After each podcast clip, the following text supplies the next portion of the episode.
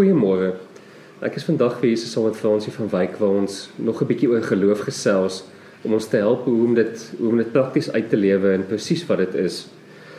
Nou ek weet ons as Christene almal kom by 'n plek uit waar ons voel maar ons het te min geloof. Ons ons ons het meer geloof nodig.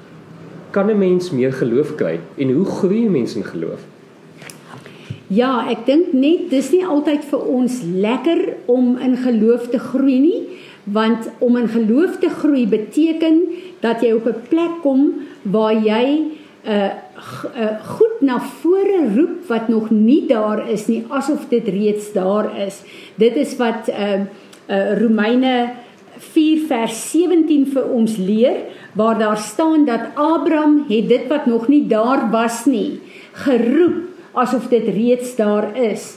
Uh, wat Abraham daar gedoen het is dat hy het goed van die Here gehoor, dit in die gees gesien en toe hy op aarde dit begin bid en na vore roep sodat dit kan begin manifesteer. En daarom word Abraham die vader van geloof genoem.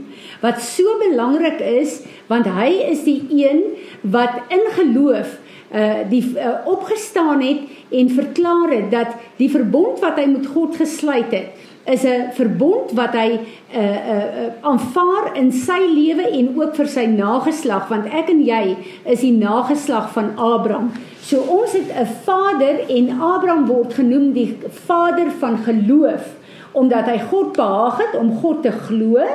En as ons kyk na Abraham se lewe, dan moes dit verskriklik moeilik gewees het vir hom om in sy geboortedorp skielik 'n God se stem te hoor wat hulle glad nie aanbid het nie.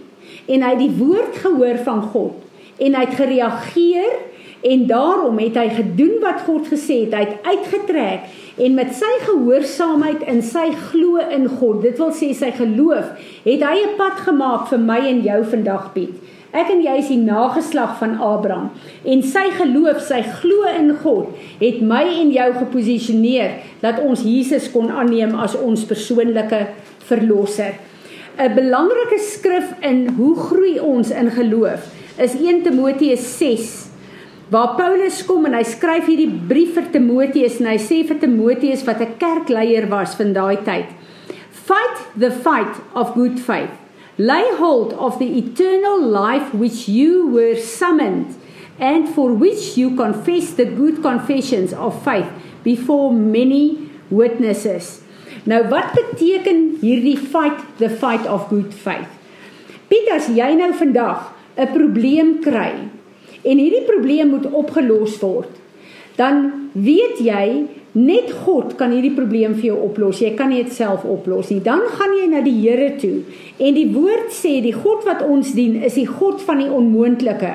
So jy weet jy's in 'n situasie wat onmoontlik is in jou lewe. Nou kom jy en jy gryp God vas, die God van die onmoontlike wat jou God is. En jy begin te bid en jy vra vir die Here, Here, hier is hierdie situasie. Wat is die woord wat op u hart is wat u wil hê ek moet uitstuur en wat moet ek wat ek moet bid?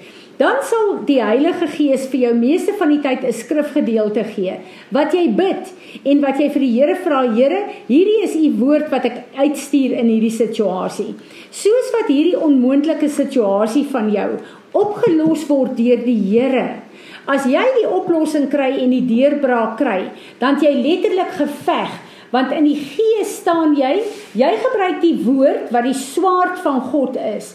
So jy kom en jy staan in hierdie plek en jy spreek God se woord oor hierdie situasie uit. Daai woord gaan uit, kanselleer die planne van die vyand, doen die werk wat dit moet werk. En die uitwerking van die woord en die situasie kom terug na jou toe. So jy was in 'n geveg betrokke geweest en soos wat die vyand en sy magte nou verslaan is deur die woord van God, So kom jy op 'n plek waar jy, jy kan rejoice, waar jy letterlik kan sê, "Sjoe, kyk wat het God net nie vir my gedoen nie. Ek sou dit nie kon doen nie, maar hy het hierdie wonderwerk of wat die situasie ook al is vir jou gedoen." Nou is jy op 'n hoër vlak van geloof as voor jy hierdie geveg geveg het. So volgende keer as jy dieselfde situasie en die probleem kry, is dit vir jou baie makliker want jy het in geloof gegroei. En nou weet jy jy kan weer dieselfde ding doen en hierdie geloof waaraan jy gegroei het, sal die woord uitstuur om hierdie geveg vir jou te veg. En jy sal weer God se oorwinning sien. Volgende keer kom daar dalk 'n groter probleem. Nou moet jy weer opnuut staan en jy moet God vasgryp vir die oplossing om hierdie geveg te veg teen die werk van die vyand. Maar jy weet, jy het nou al gegroei in geloof en jy weet, soos wat jy hierdie nuwe geveg veg, gaan jy dan groei in 'n vlak van geloof dat wanneer die deurbraak hier kom, volgende keer as jy dieselfde tipe aanval het, is dit nie vir jou erg nie want jy weet reeds jy het gegroei in geloof. Jy kan God vertrou. En daarom sê die woord wat ons laas keer gebruik het, ons geloof behaag God. Want ek en jy deur hierdie gevegte te veg, bring die volmaakte werk van Golgotha in ons probleme in en maak ons die oorwinnaar in Jesus Christus in elke aanval van die vyand. En dit is die belangrike plek van hoe ons geloof groei. So ek en jy bepaal hoe groot ons geloof groei deur ons glo van die woord van God en om sy woord te vat in die gevegte te veg sodat die oorwinning van Golgotha aan elke geveg kan manifesteer sodat Jesus die uh uh eer kan kry van dit wat ons doen hier op aarde. Nou as ons so gesels oor hierdie oor geloof, ek meen ek het ons het gehoor dat geloof kom deur die gehoor in in in die gehoor deur die deur die woord van God. Is daar 'n gebed wat ons aan Jesus kan vashou want ek weet dat meeste van ons ek weet dit is nie baie Christelik om hierdie goed te sê nie, maar ons ons almal sukkel met dit. Ons sukkel om in die woord te gaan. Ons sukkel om om tyd te maak met die woord. Ons sukkel om te hoor. Ons sukkel om in die kerk te sit en luister. Ons sukkel om vir mense wat ons probeer leer vir hulle te luister en te verstaan wat hulle sê. Ons sukkel om in hierdie proses om ons geloof te groei te kom. Is daar 'n gebed wat ons net vir Jesus kan vashou en kan vra maar help ons asseblief. Ons kan Piet, maar ons moet weet ons kan hierdie goed bid en God sal ons antwoord, maar daar's 'n plek waar ek en jy 'n keuse moet maak. En ons moet die keuses maak om onsself op die plek te stel om te kan groei. As jy kyk na 'n baba, dan is 'n baba afhanklik van volwassenes om hom te laat groei, soos ons in die gees ook. Daar's sekere goed wat ons keuses moet maak om ons te dissiplineer om in die woord in te gaan. Maar kom ek bid vir ons op hierdie plek. Vader, dankie dat ons ver oggend kan kom en ons kan kom neerbuig voor U. Dankie dat U in U woord sê dat U het empatie en simpatie met ons want ons is uit stof gemaak. En Here, U weet hoe moeilik dit vir ons as mense is om in 'n verhouding met U te kom wat prakties elke dag werk.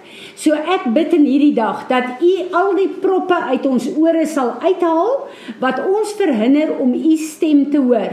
Dat U ons ore sal kom salf, dat U vir ons 'n honger en 'n dors sal gee om in U woord uh, te sit, U woord te leer en in U woord in ons harte geaktiveer te kry. En ek bid Vader dat U ons sal trek in 'n plek in waar ons sal begeer om te uh, luister na u woord en om u toe te laat om u woord in ons lewens uh, te laat manifesteer. Dankie dat ek dit kan bid in die naam van Jesus Christus. Amen.